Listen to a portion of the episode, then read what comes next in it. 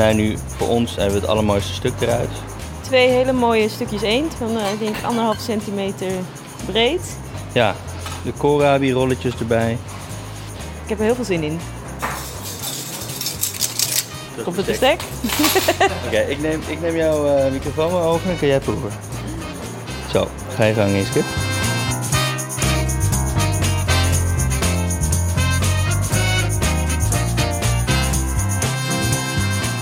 Welkom bij Cheft. Ik ben Hiske Versprillen. In deze super lekkere podcast ga ik uitgebreid in gesprek met de beste en meest invloedrijke Amsterdamse chef-koks. Ik kijk ze op de vingers, til deksels van pannen, trek koelkasten open en vraag ze het hemd van het lijf. Want hoe meer je weet, hoe meer je proeft. Soms uh, leggen wij twee dingen op een bord en dat gaan we proeven. En denk van, dit is toch gewoon alles wat je nodig hebt.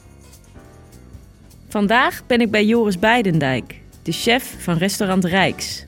Waar gaat het nou om in een gerecht? Het gaat vaak om het, het oplichten van één product. Oh wee, wat is deze jongen on fire.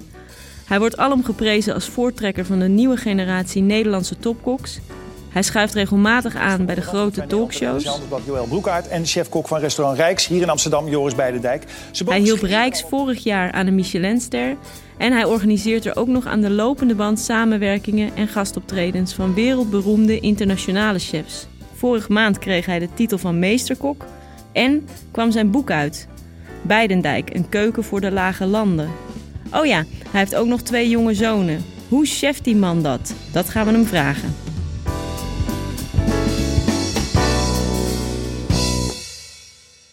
Maar we beginnen in de keuken van Rijks. Het is een groot restaurant in de Philipsvleugel van het Rijksmuseum. Zeven koks ronden in de open keuken de lunchservice af en Joris gaat mij laten zien hoe hij zijn beroemde dry-aged eend bereidt. Met groene amandelen en kersen en specerijen en een ongelofelijke saus met bruine boter en eendenjus. Hmm, de eend is nog heel. Kop, snavel, ingewanden en alles en heeft twee weken gerijpt. Dat is iets dat je bij rundvlees of wild regelmatig ziet, maar bij tam gevogelte als dit eigenlijk nooit. Je hoort er straks meer over.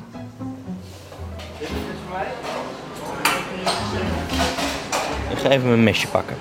Er ligt nu dus een, eh, een, een heel erg dode eend met een, uh, aan de kop nog een beetje uh, dons. En twee grote zwempoten erop een, uh, op een grote rode plank. En Joris komt net teruglopen met, met twee grote messen. Ja. Uh, je hebt hier nog meer dingen liggen, wat kersen volgens mij, wat uh, groene... Op het moment van onze ontmoeting is het trouwens juni. Vandaar dat het garnituur van de eend nog lekker licht en zomers is. Inmiddels staat hij op de kaart met rode kool en savoyekool. Afvalbakje pakken. Ja. Ja, en deze eend heeft dus al een hele tijd uh, ge, ge, gelegen of ge, gehangen? Deze, deze hebben gehangen. En we hebben van alles getest ermee. Dus ik, ik verklap nu al, mijn geheimen natuurlijk, maar dat is niet erg. Ja, vertel het aan niemand. Maar uh, liggen en, uh, en hangen, er zit echt een aanzienlijk verschil in, zijn we achtergekomen. En hangen is, het, is de beste methode. Ik, snij, ik leg hem nu op de borst, op de plank. En uh, ik snij nu over de keel, zeg maar. ja, het, mijn grootste angst is altijd dat ik de mild stuk maak. En ik, ik zie dat ik hem hij is iets beschadigd en dat kan gebeuren. En dan snij ik gewoon alles wat groen is, snij ik gewoon weg. Dat is gal of zo? Ja, precies. En dat is, dat is mega bitter. Het zit aan de binnenkant van het eend, dus, de, dus het valt allemaal mee. Maar ik pak wel een papiertje om zeg maar, de, de drie druppels die er zitten, om die even weg te halen. Oké. Okay. En zo'n zo eend als dit, hoe oud is die nou als hij wordt geslacht? Uh, ja, dat is uh, niet ouder dan twee maanden. Oh ja, oh, dus het zijn echt nog wel jonge eenden. Ja, het zijn jonge beesten. Dat is lekker wij, wij mensen worden ook een beetje stug hè, als we ouder worden. Precies, van dat oude harde vetje. Ja. Goed. Nou, gaan we de boel aanbakken. Gaan hem een klein beetje opknopen, heel simpel, maar... En waarom doe je dat nou, Joris, dat opbinden? Ja, dan gaat alles niet uh, alle kanten op als ik het aan het bakken ben. Dus gewoon puur om, um, om de eend een beetje onder, onder, ja, onder de duim te houden tijdens het uh, bakken. En, uh, en je helpt ook het garingsproces door hem goed op te binden eigenlijk. Zodat je Kijk, als de ene poot zo staat en de andere poot wijst, wijst de andere kant op, dan kan je, begrijp je wel dat, dat zeg maar, uh, uh, geleidelijk garen moeilijk gaat.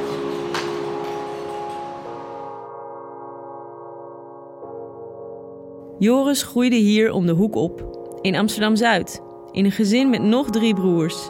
Zijn ouders hadden een oude boerderij in de Ardennen en Joris vertelt graag en veel over deze plek. Ja, dus wij werden vrijdagmiddag uh, om drie uur was de, was de school klaar. En dan stond, uh, stonden mijn ouders met uh, een grote station voor de deur. Er werd iedereen ingeladen en de achterbak volgeladen met spullen. En dan raceten we zo snel mogelijk naar de Ardennen. En, naar het huis, om het huis te onderhouden. Moestuin onderhouden, boomgaard onderhouden.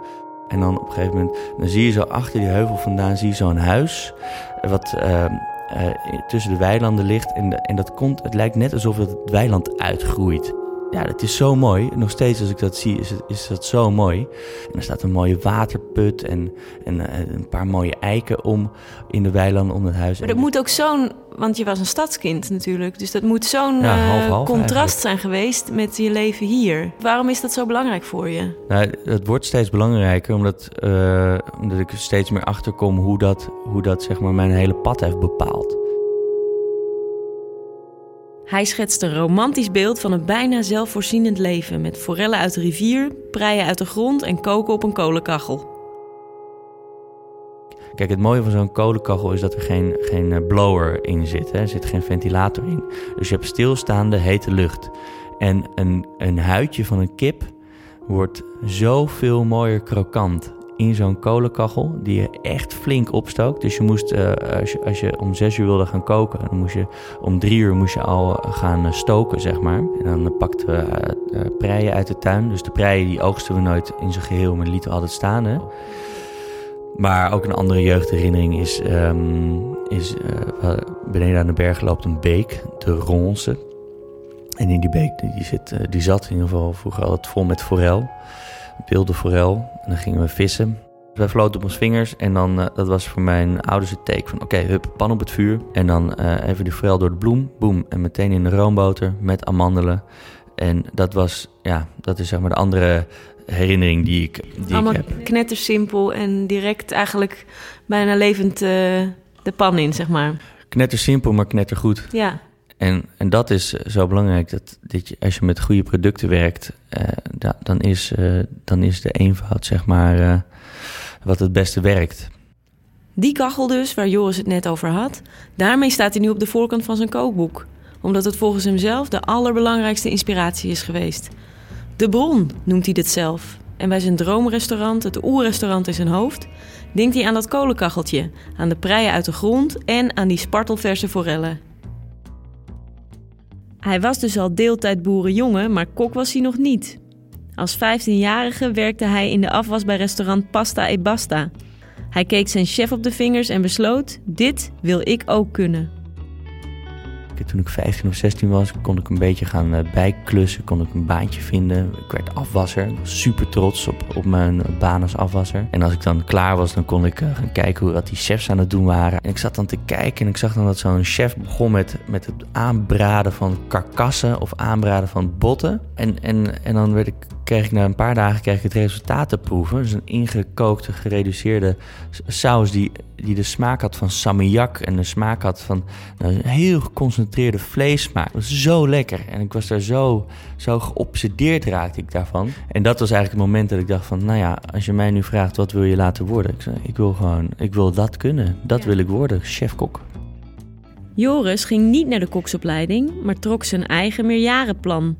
Hij schreef zich in voor de hotelschool, volgde stages bij vissers en slagers en... Ik ga gewoon een hele goede kok opbellen in Amsterdam of omstreken. En ga, ik ga gewoon vragen of hij mij wilt opleiden. Ook heel zelfvoorzienend dus eigenlijk in je, in je opleiding. Ja, ja, nou ja, eh, precies. Ik heb gewoon een eigen plan gemaakt. Ik heb het uh, boek gekocht. Um, de Eugène Pauli. De Pauli wordt dat, uh, in, wordt dat in, zeg maar de koks die ouder zijn dan, uh, dan ik. Die, die kennen de Pauli heel goed. Ja. Dat is het leer, leerboek van de, de Nederlandse koksscholen. Ja. En die inhoudsopgave, Um, die heb ik gepakt en daar achter elk hoofdstuk een datum gezet, uh, verdeeld over drie jaar. Um, uh, chef-kok, een chef-kok opgebeld. Hij vervolgde zijn masterplan bij Ron Blauw, de beroemde Amsterdamse chef die met zijn restaurant in Oudekerk destijds twee sterren voerde. Uh, ik heb heel lang moeten drammen voordat ik überhaupt daar iemand in de, van de keuken aan de telefoon kreeg. Toen het eindelijk zover was, ben ik op mijn fiets gesprongen en heb ik mijn verhaal gedaan. Ik wil leren koken. En dit, dit zijn de dingen die ik wil leren. Uh, ik wil heel, in drie jaar wil ik gewoon alles leren wat er in dit boek staat. En dat ga ik, wil ik heel graag van jullie leren. Dus die inhoudsopgave verdeeld over drie jaar. En dat gewoon heel secuur gaan afwerken.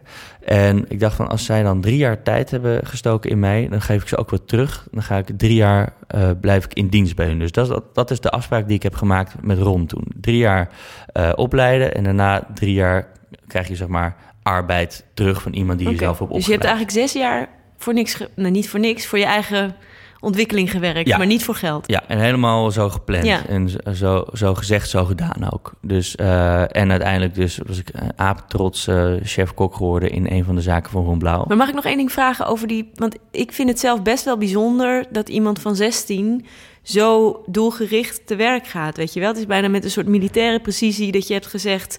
dit heb ik nodig en zo ga ik het uh, voor elkaar krijgen. Was dat iets waar ik bedoel, je had natuurlijk ook vrienden en je, zat, uh, je kwam net van de HAVO. Werd er niet van je, vanuit jouw omgeving ook gezegd, of misschien wel bij die restaurants zelf, van dit is eigenlijk best wel bijzonder dat je zo jong al zo ambitieus en doelgericht bent? Uh, ik denk dat, uh, dat eigenlijk niemand had gedacht dat ik het ooit zo precies zo zou doen. Van, ja. van leuk, leuk plan, maar um, ja, prima, begin er maar aan. En, en dat, en zelf had ik misschien ook niet. Uh, je, bent, je, bent, je duikt er gewoon in en je begint eraan. En, uh, ja, en nu staan we hier. Na die bliksemcarrière van zes jaar is het tijd voor de laatste horde op de route naar chefsdom. Een stage in een Franse topzaak.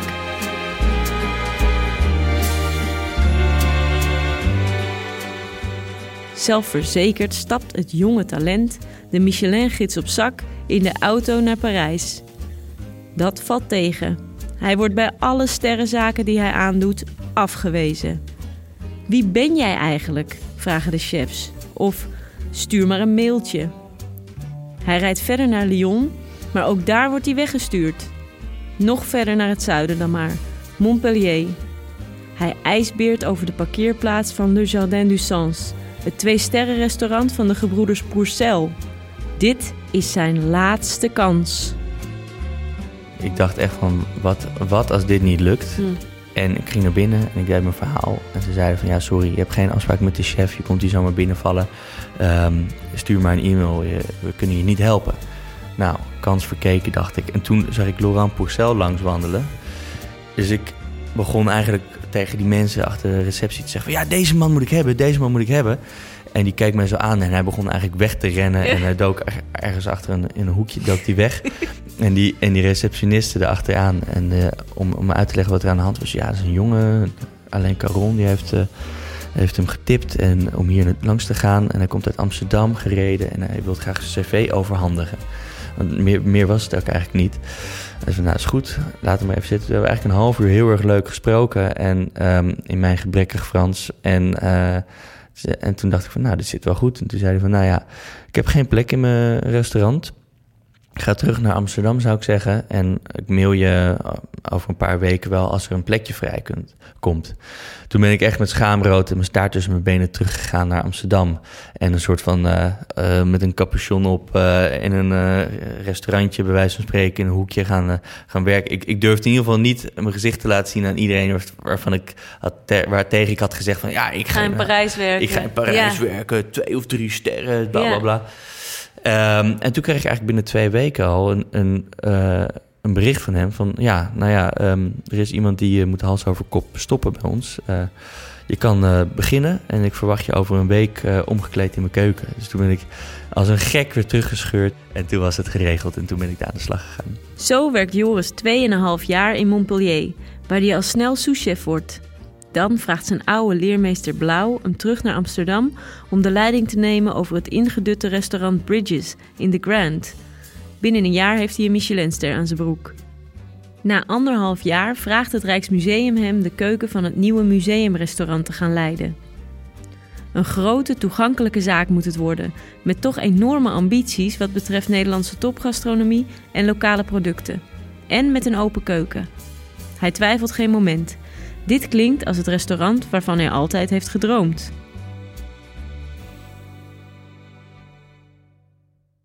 Toen ik werd gevraagd voor uh, Rijks, ik heb toen natuurlijk gevraagd, maar, hoe ziet het eruit en wat gaat het worden? En toen ze dat allemaal op, opzomden en opnoemden, dacht ik, dit lijkt wel heel erg sterk op wat ik, wat ik zeg maar voor ogen had, een soort van droomrestaurant. Het is een open keuken. We hebben um, uh, door het restaurant staan, zeg maar, koelingen met glazen deuren waarin je de wijnen ziet, waarin je ons dry-aged vlees en onze dry-aged eenden ziet liggen.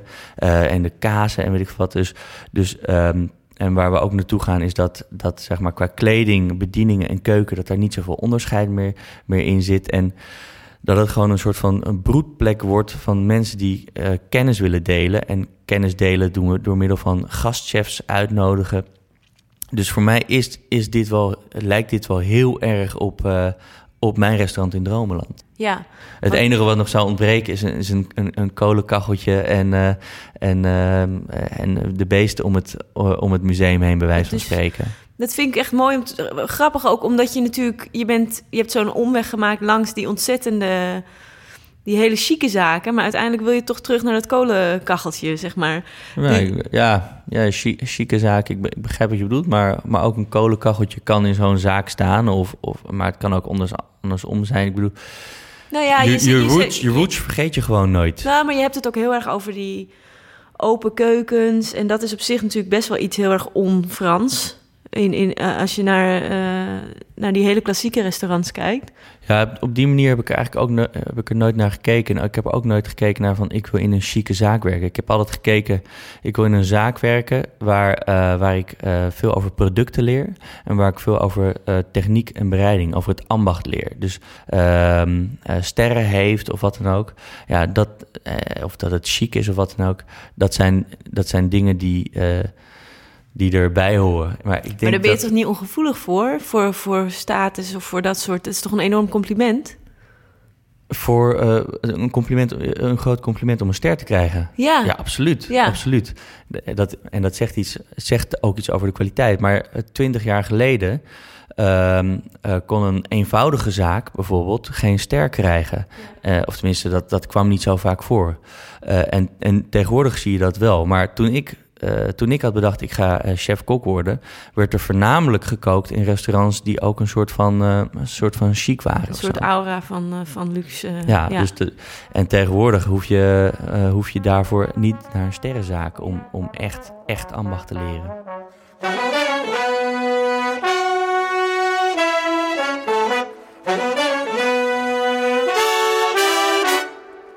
We gaan nu even met onze chef-kok terug naar de keuken.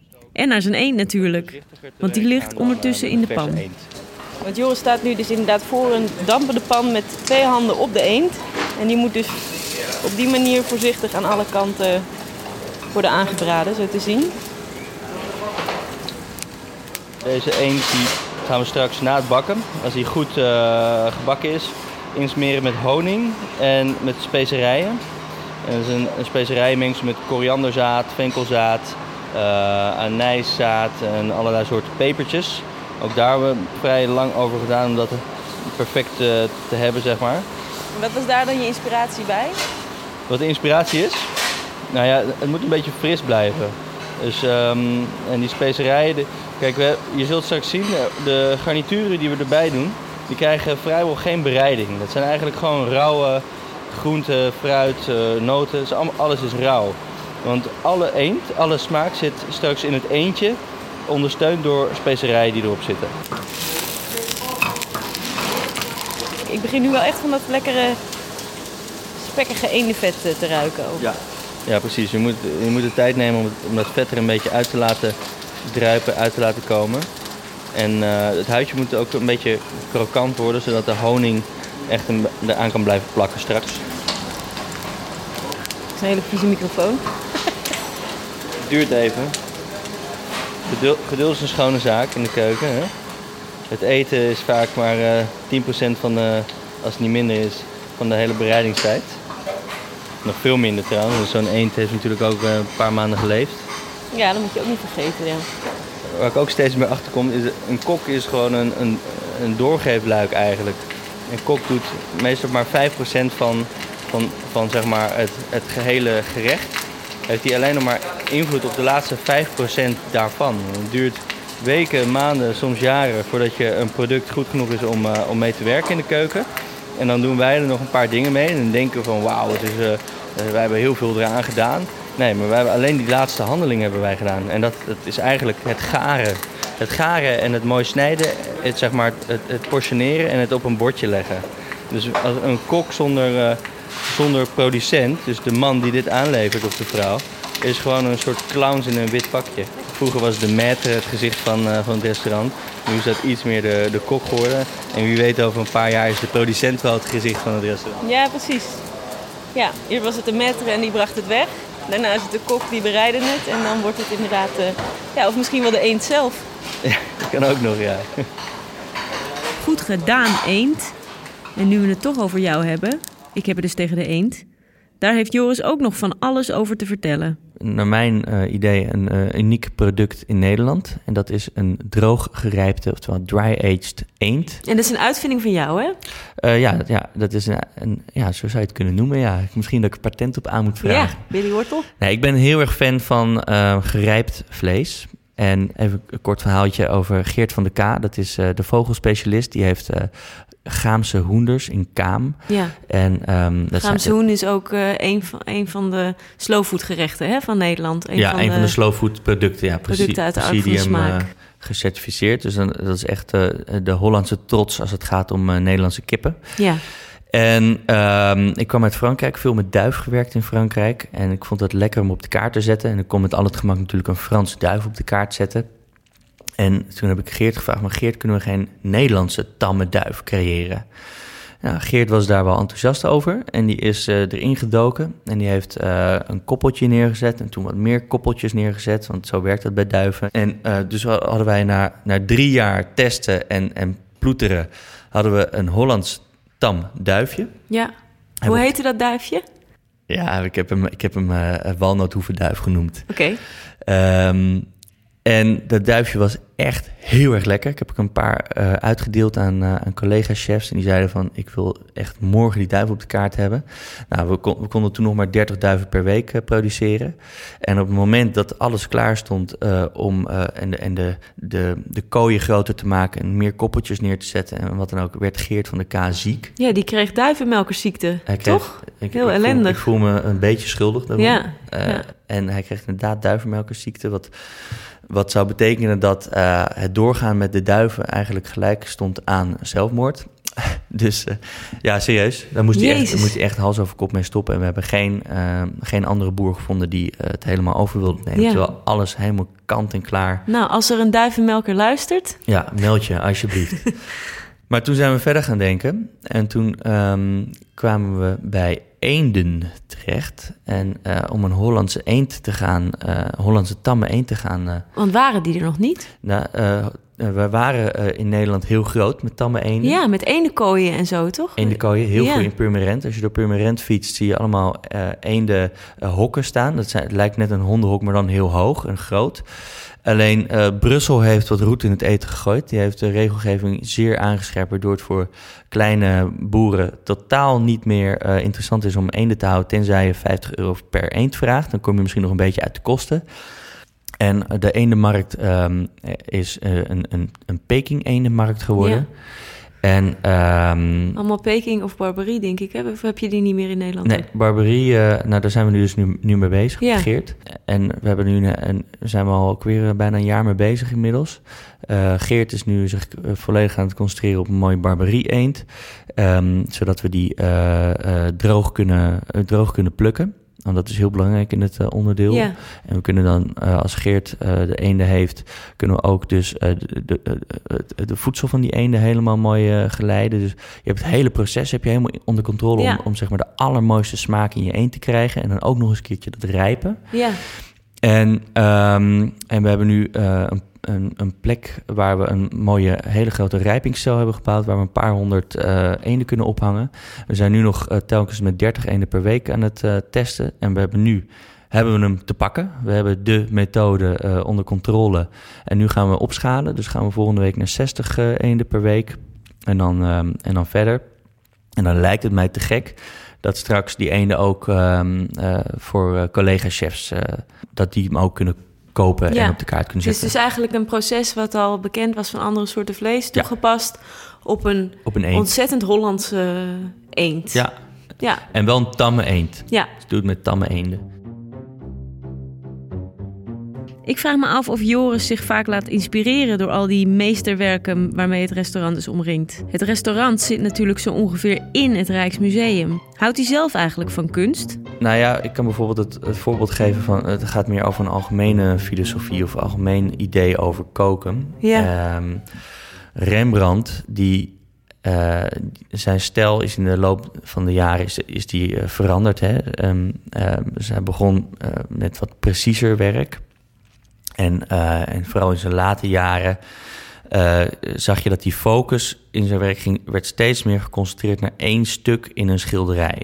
Dus, eh, eh, dus die, je hebt een aantal van die zelfportretten waar je dat heel erg goed ziet.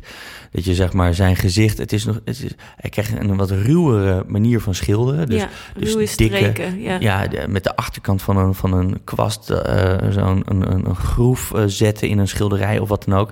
Als je, als je dan, het, het klopt allemaal perfect. Je ziet perfect dat het Rembrandt is. En eh, alleen als je bijvoorbeeld eh, je focus legt op zijn hand, dat is gewoon een soort van, van frommeltje. Je ziet, je ziet echt niet, eh, je ziet wel dat het een hand is, maar het is niet een hele precieze hand. Waardoor je dus ook je aandacht daar niet meer naartoe gaat, maar de aandacht alleen maar gaat naar de- het belangrijkste op het, op het doek. En dat is zijn gezicht, waar perfect mooi licht is en weet ik veel wat. Het gaat om focus. Het gaat om focus en het gaat om essentie van. En ehm, hij kreeg daar commentaar op. Want het was natuurlijk, eh, zoals veel van die eh, kunstenaar die, die tegenwoordig heel beroemd zijn, die, die deden iets nieuws, waardoor ze misschien nog niet begrepen werden in de tijd dat ze leefden en er later pas echte legendes werden. Eh, en hij kreeg commentaar daarop. En zeg maar, het, ehm, de grote meesterproef van een, van een schilder is dat je een, een parabool, een perfecte cirkel in één vloeiende beweging kan, kan maken. Als je dat kan, dan ben je gewoon dan ben je de koning, dan ben je de beste. Dus hij heeft dat zelfportret. En, dan, eh, en waar alleen het gezicht echt eruit knalt. Dus dat is de essentie van het schilderij. En dan zie je achter op de doek zie je dat hij een parabool heeft getekend. Niet één, maar twee. Ja. Zo van, jongens, alles wat ik doe, doe ik heel bewust. Ja. En, eh, en eh, die parabool, daarmee laat ik zien dat ik weet wat ik doe. Mhm. Eh, dat, dat, dat denkt men nu over, over dat schilderij, want het is een tijd dat hij veel commentaar kreeg. Dus, dus die gedachte, ehm, dat het gaat om, om de essentie, dat merk, merk ik in, in mijn gerechten bijvoorbeeld steeds meer. Dat we steeds meer gaan naar van waar gaat het nou om in een gerecht? Het gaat vaak om het, het oplichten van één product. Ehm, eh, dus leg dan ook de focus op dat product en, Ja. en laat de rest ondersteunend zijn, maar laat het in ieder geval geen afleiding zijn. En, eh, en dat is bijvoorbeeld eh, iets waardoor ik me heel erg laat inspireren. Want heb je zelf ook het idee eh, dat je meer dat soort scherpe keuzes durft te maken? Want je moet wel heel erg, je moet zelfverzekerd zijn Precies. om, ja. om dat te durven. Ja, en, en je moet begrepen eh, worden als je het eh, doet en zo. Want anders kan het wel eens eh, helemaal mislopen. Ja, En ehm, ik durf dat niet altijd. Soms leggen wij twee dingen op een bord en dat gaan we proeven. En denk van, dit is toch gewoon alles wat je nodig hebt. ja. En dan, ehm, Maar wat is het dan wat je tegenhoudt? Is dat dan het, toch, toch het idee Lef. van...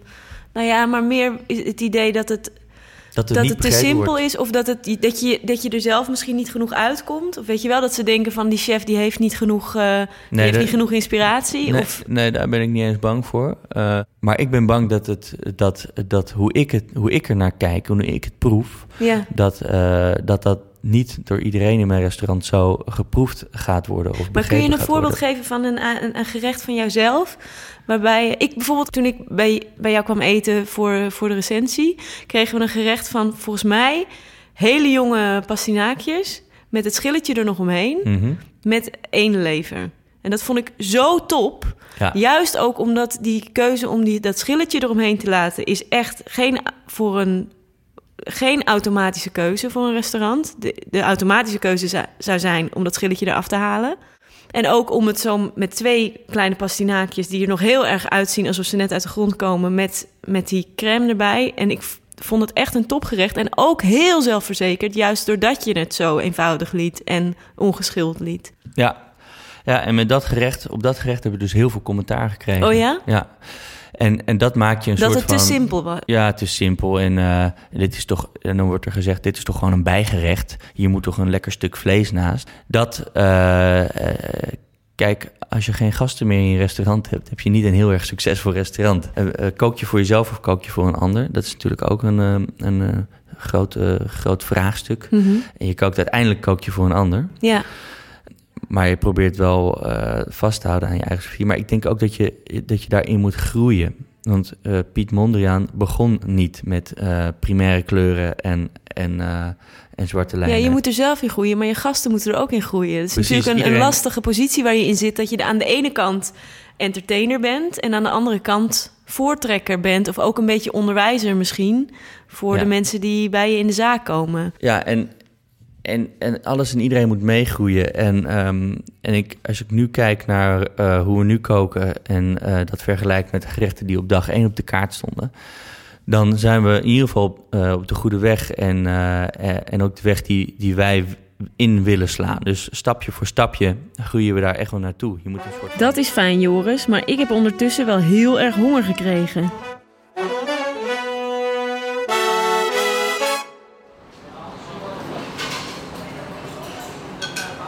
Nou, we hebben het eentje liggen. We hebben de tube honing. Die gaat nu over de eend. Dat hoor je niet. het ziet er prachtig uit. Ook die honing op die eh goudbruine eend. En het ruikt heel lekker, want die honing wordt nu natuurlijk een beetje warm. Ja. Dus je ruikt echt eh, dat eendenvet en die honing. En er komen dan die specerijen overheen. Ik krijg er helemaal honger van. Ja, eh, we hadden het er al over dat we het hoofdproduct moet gewoon de, de meeste aandacht krijgen. En de, de boel daaromheen moet ondersteunend zijn en niet afleidend zijn. Eh, maar toch moet er een soort van synergie tussen zitten. Dus, dus die eend op zich is al heel erg lekker. Die jus hebben we heel basic gelaten. Gewoon een hele mooie bruine eendenjus. eh met een klein scheutje fantastisch mooie witte balsamico zijn er doorheen. En dan een soort van schiftsaus van gemaakt met bruine boter. Dat is echt heel lekker. En dan, eh, Klinkt echt ontzettend lekker. en, da- en dan de groente die eromheen ligt, dat is eigenlijk ehm, ja, rauw. Dus we hebben rauwe verse kersen, rauwe groene amandelen en eh, wat, wat kruiden erop. En dat is het eigenlijk. En wat maakt dit nou... Want je bent heel trots op die eend, hè, volgens mij. Het is gewoon een heel goed idee. Ehm, wat maakt dit voor jou nou zo tof? Eh, iedereen die het proeft wordt er super enthousiast van. En ik ben heel blij dat, ja, dat we in Rijks dit hebben uitgevogeld. En ik hoop dat er heel veel eh, andere mensen hier ook heel enthousiast van worden. En, zo, eh, en ik ben ook helemaal niet eh, angstig om dit te delen of zo. Ik zet ook niet... ik, ik, ik zet het ook niet op slot of zo, of, of, of, of wat dan ook. Het, ik ben er gewoon open over. En, en als een ander dit ook wil doen, dan vind ik dat vind ik het zeg maar een enorm compliment. En ik hoop dat ik hier gewoon een klein beetje bijdraag aan, aan iets wat de gastronomie van Nederland ietsje rijker maakt. Dus voor mij is, is het iets nieuws en dat vind ik zo tof eraan. Het is volgens mij sowieso wel een beetje over, hè? Dat chefs ontzettend graag of heel geheimzinnig doen over hun recepten. Nou, het, het, het zou ook nog eens een keertje heel vreemd zijn, want er is geen enkel persoon op deze aardbol ooit geboren met eh, de kennis om bijvoorbeeld eh, eh, een stukje vlees te gaven. Wat dan ook. Dus, dus die kennis is altijd ergens vandaan gekomen. Dus je bent zelf je groot geworden met de kennis die je van een ander hebt geleerd. En op een gegeven moment ben je ook dingen zelf gaan uitpluizen. En dan vervolgens wil je niks met een ander delen. Dan ben je een beetje achterlijk als je het mij vraagt. Of is dat een te harde uitspraak? Helemaal niet, daar houden we van. Alleen maar goed. Joris is even weggelopen om een flinke vingergreep zout te halen, die hij nu over die eend strooit. En nu Joris, Dan gaan we de oven in. we gaan de oven in.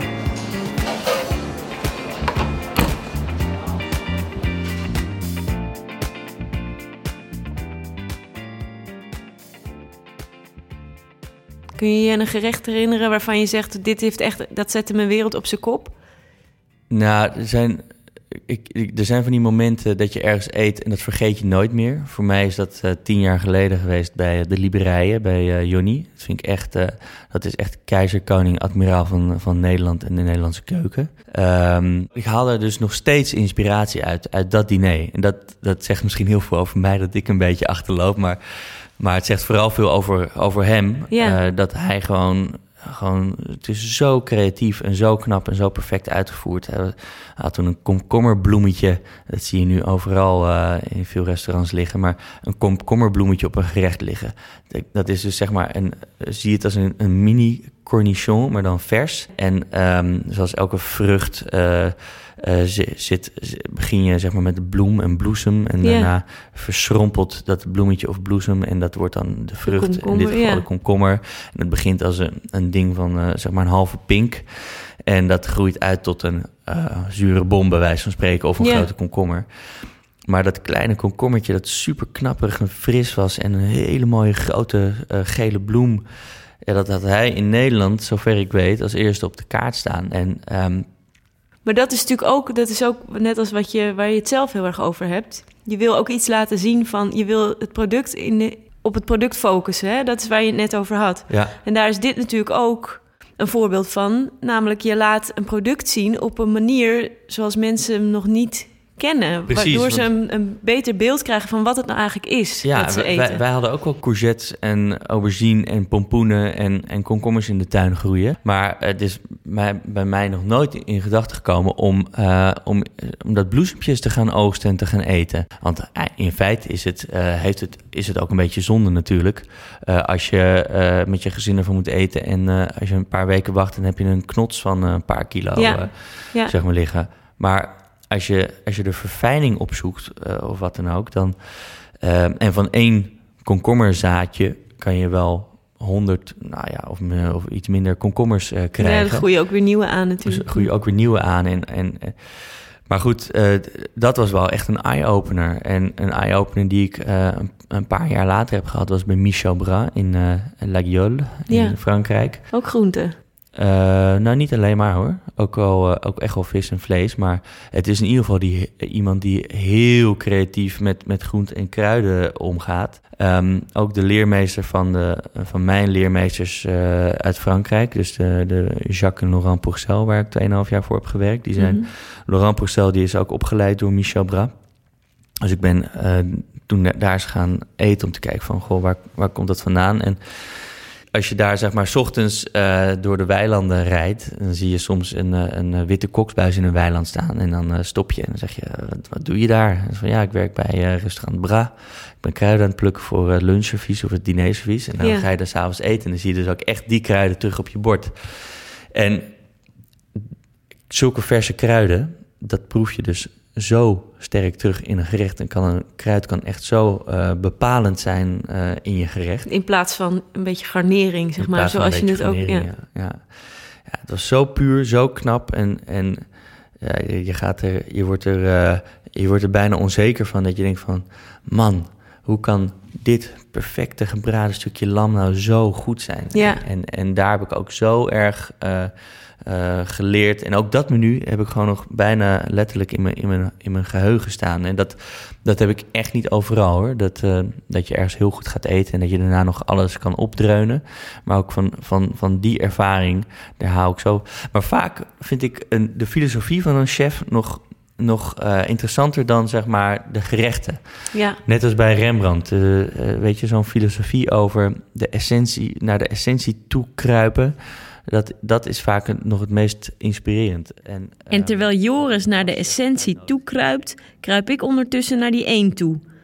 Maar voor we die afmaken, vraag ik Joris nog even naar zijn ambities voor de toekomst. Nou, ik wil heel graag ehm Rijksrestaurant eh, buiten de grenzen van Nederland eh, ook eh, onder de aandacht krijgen. Dat is echt het doel van de komende jaren. Want ik ben echt heel erg blij bij Rijks. En ik vind het echt een van de prettigste plekken om te werken. En eh, ik, ik kan ook al mijn ideeën, zeg maar, ehm, eh, uitrollen. Dus met de gastchefs en, en, en, eh, en de producten die, productkeuze die ik maak. En, ehm, en ik heb een heel fijn team en hele fijne mensen om me heen. Dus ik ben op mijn plek en ik wil heel graag, en dat vind ik ook bij, zeg maar, het Rijksmuseum passen, hoop ik dit restaurant buiten de grens van Nederland bekend te maken. En in de loop van de jaren heb ik allemaal ideeën gekregen over toffe zaakjes die ik wel zou willen hebben. Dus wie weet dat dat in de komende jaren er, uh, erbij kan. Side project. Side project. Een snackbar. Je moet uh, Ja, een snackbar, beetje, een nou. beetje Michelin-chef heeft tegenwoordig een patatzaak. Ja, dan, ben ik maar geen cliché. eh, dan ben ik er maar geen cliché Michelin chef. Nou Maar ja, goed.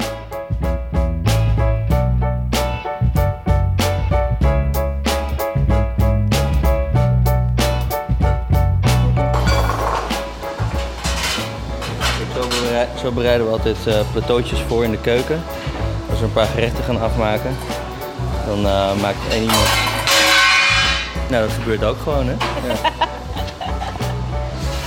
Dus je legt het op een plateautje en dan op de grond. En wat doe je dan daarna? Ja, alles wat op de grond ligt, dat eet ik zelf op. Kan gebeuren. Het is allemaal live, mensen. Kijk, je kinderen is wat op de grond. Ja, ik ga hem testen. Ja, oké, we gaan de één testen. Kijk. De eend heeft acht minuten in de oven gezeten. Die mag niet naar buiten. Joris maakt van dat hele, zo'n chefig wappergebaar, eh, zoals eh, waar je de professionals aan herkent. Ja, ruik maar. Nou, hij ziet er echt heerlijk uit. Even testen, of die, eh, testen hoe die is van binnen. Ik prik een, eh, een ijzeren prikkertje eh, in de dikste, op de dikste plek van de filet. pri- Prik ik hem in. Dan laat ik hem drie seconden zitten, haal ik eruit. En dan voel ik met mijn lippen. En dan denk ik, we gaan hem zeker nog even een minuut geven. Kijk, dat is dus dat, eh, dat ambacht hè, waar we het eerder over hadden. Niks, geen thermometers erin. Gewoon een breinaald. Een breinaald, ja, eigenlijk wel een dunne breinaald. Goed, nog een keer proberen. Poging 2. We hebben, we hebben toch eh, een minuut nog, dus dat is mooi. Kijken. Amandelen, kersen.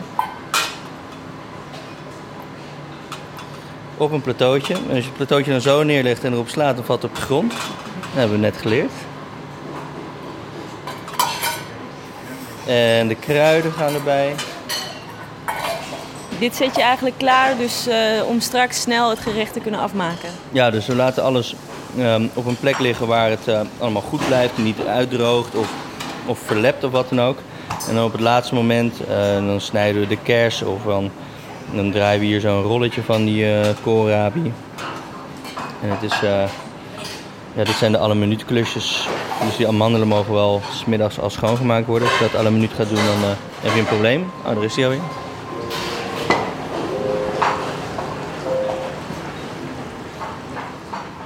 Dat nou het geluid dat de oven maakt? Dat liedje, Ja. Ja, ik, kijk, ik we- dacht even dat het in mijn, in mijn eh, koptelefoon We zat. hebben een open keuken, dus we hebben die eh, ovens ingesteld op vrolijke liedjes. Ja, want normaal kling hoor je echt zo'n soort van penetrante eh, gepiep. Ja.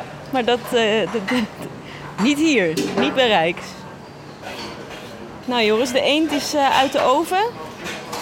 Het garnituur is klaargezet. Wat gaan we nu doen? Ja, eigenlijk moet de eend nog heel eventjes ehm, eh, een rustmomentje hebben. Dat is belangrijk. Als ik hem nu aansnijd, dan weet ik zeker dat alle sappen er in één keer uitlopen. Dus we gaan nog even heel rustig naar die garnituren kijken. Nemen we de tijd voor en dan gaan we de eend pas aansnijden. Heel goed.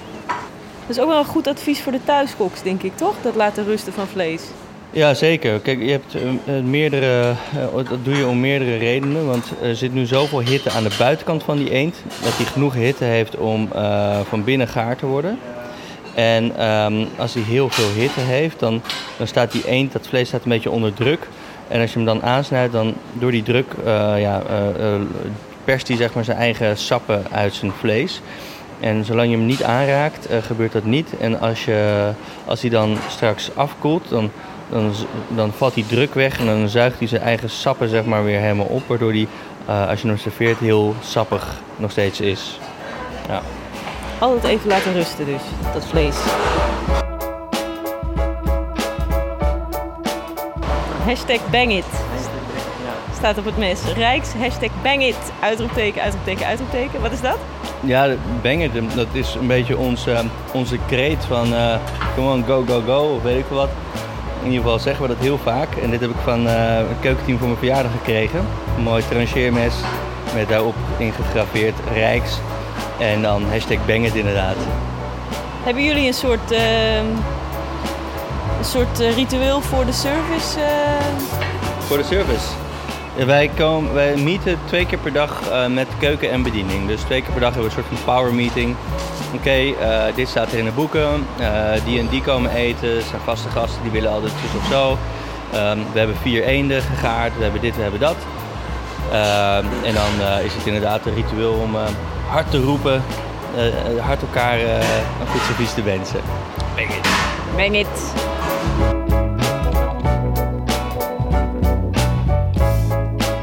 Met het risico dat we een paar minuten te vroeg zijn, ga ik hem toch aansnijden.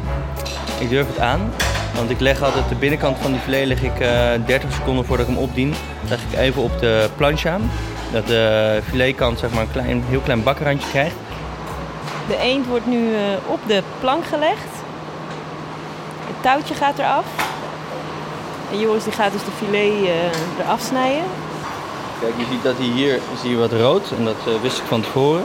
En dat is helemaal niet erg. Want ik ga hem nog even op de planche leggen zo. En zoals je ziet, ik laat de filet altijd op het karkas zitten uh, bij deze bereiding. En die haal ik er later wel weer af. Maar dit is hem. En die ga ik dan één seconde aan deze kant op, op de planche leggen. En er zit hier uh, genoeg hitte in dat hij van deze kant heel mooi rosé doortrekt. En dan kunnen we meteen door. Je ziet nu al een beetje ook aan de binnenkant van dat vlees hoe logisch het is dat je die andere ingrediënten erbij hebt. Want dat uh, beetje ro prachtige rood van zo'n eend, dat doet ook heel erg denken aan het rood van die kersen. Dus volgens mij gaat het er straks echt fucking mooi uitzien. Ik snij nu voor ons hebben we het allermooiste stuk eruit. Maar dat ding wordt wel gewoon helemaal geserveerd hoor. Deze gaat in het bord. Twee hele mooie stukjes eend van uh, ik denk anderhalf centimeter breed. Met die prachtige kruiden erop. En er gaat nu die geschifte jus bij.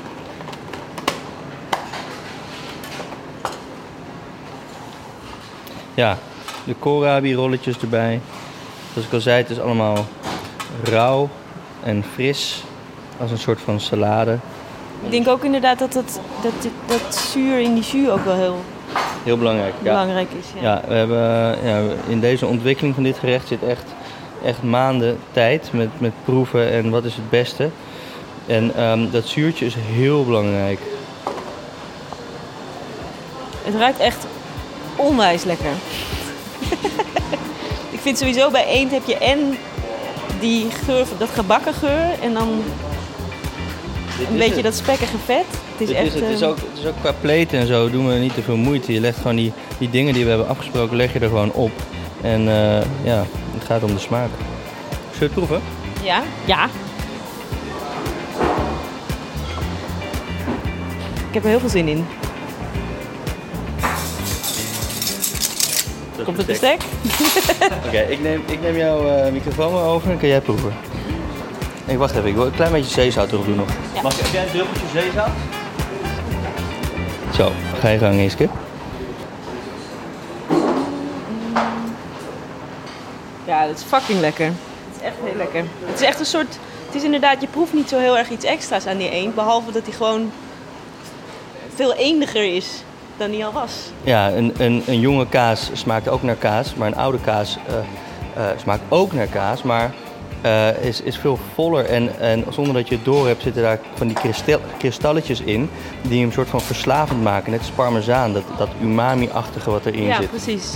Ja. En dat is in dit eentje is dat eigenlijk uh, ook een soort van gebeurd. En het is ook dat ik dacht van die hele specerij, hè, is dat niet te heftig? Maar dat is eigenlijk niet zo. Het is juist het is, het is lekker knapperig en het, voegt, het sluit heel mooi aan. Het gaat er helemaal niet overheen. Nou, ik ben blij dat je het lekker vindt. Vergeet de amandelen en de kersen niet, hè? Hmm. Heel lekker. Heel Mooi. Dus dat was hem dan. De dry-aged eend van Joris Beidendijk. Naast dat het een heerlijk gerecht is, vond ik het ook zo'n mooi voorbeeld van hoe hij kookt. Op zoek naar de essentie van de Hollandse eend, met een zelfverzekerde focus op kwaliteit en ambacht, zonder onnodige afleiding. En grappig genoeg is dat eigenlijk ook precies hoe je zijn loopbaan tot nu toe kan omschrijven.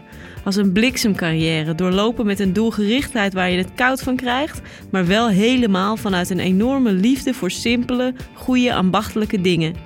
En volgens mij is Joris nog lang niet klaar. Nou, en ik ga zo even het slagveld uh, opruimen, geloof ik. Valt best mee hoor.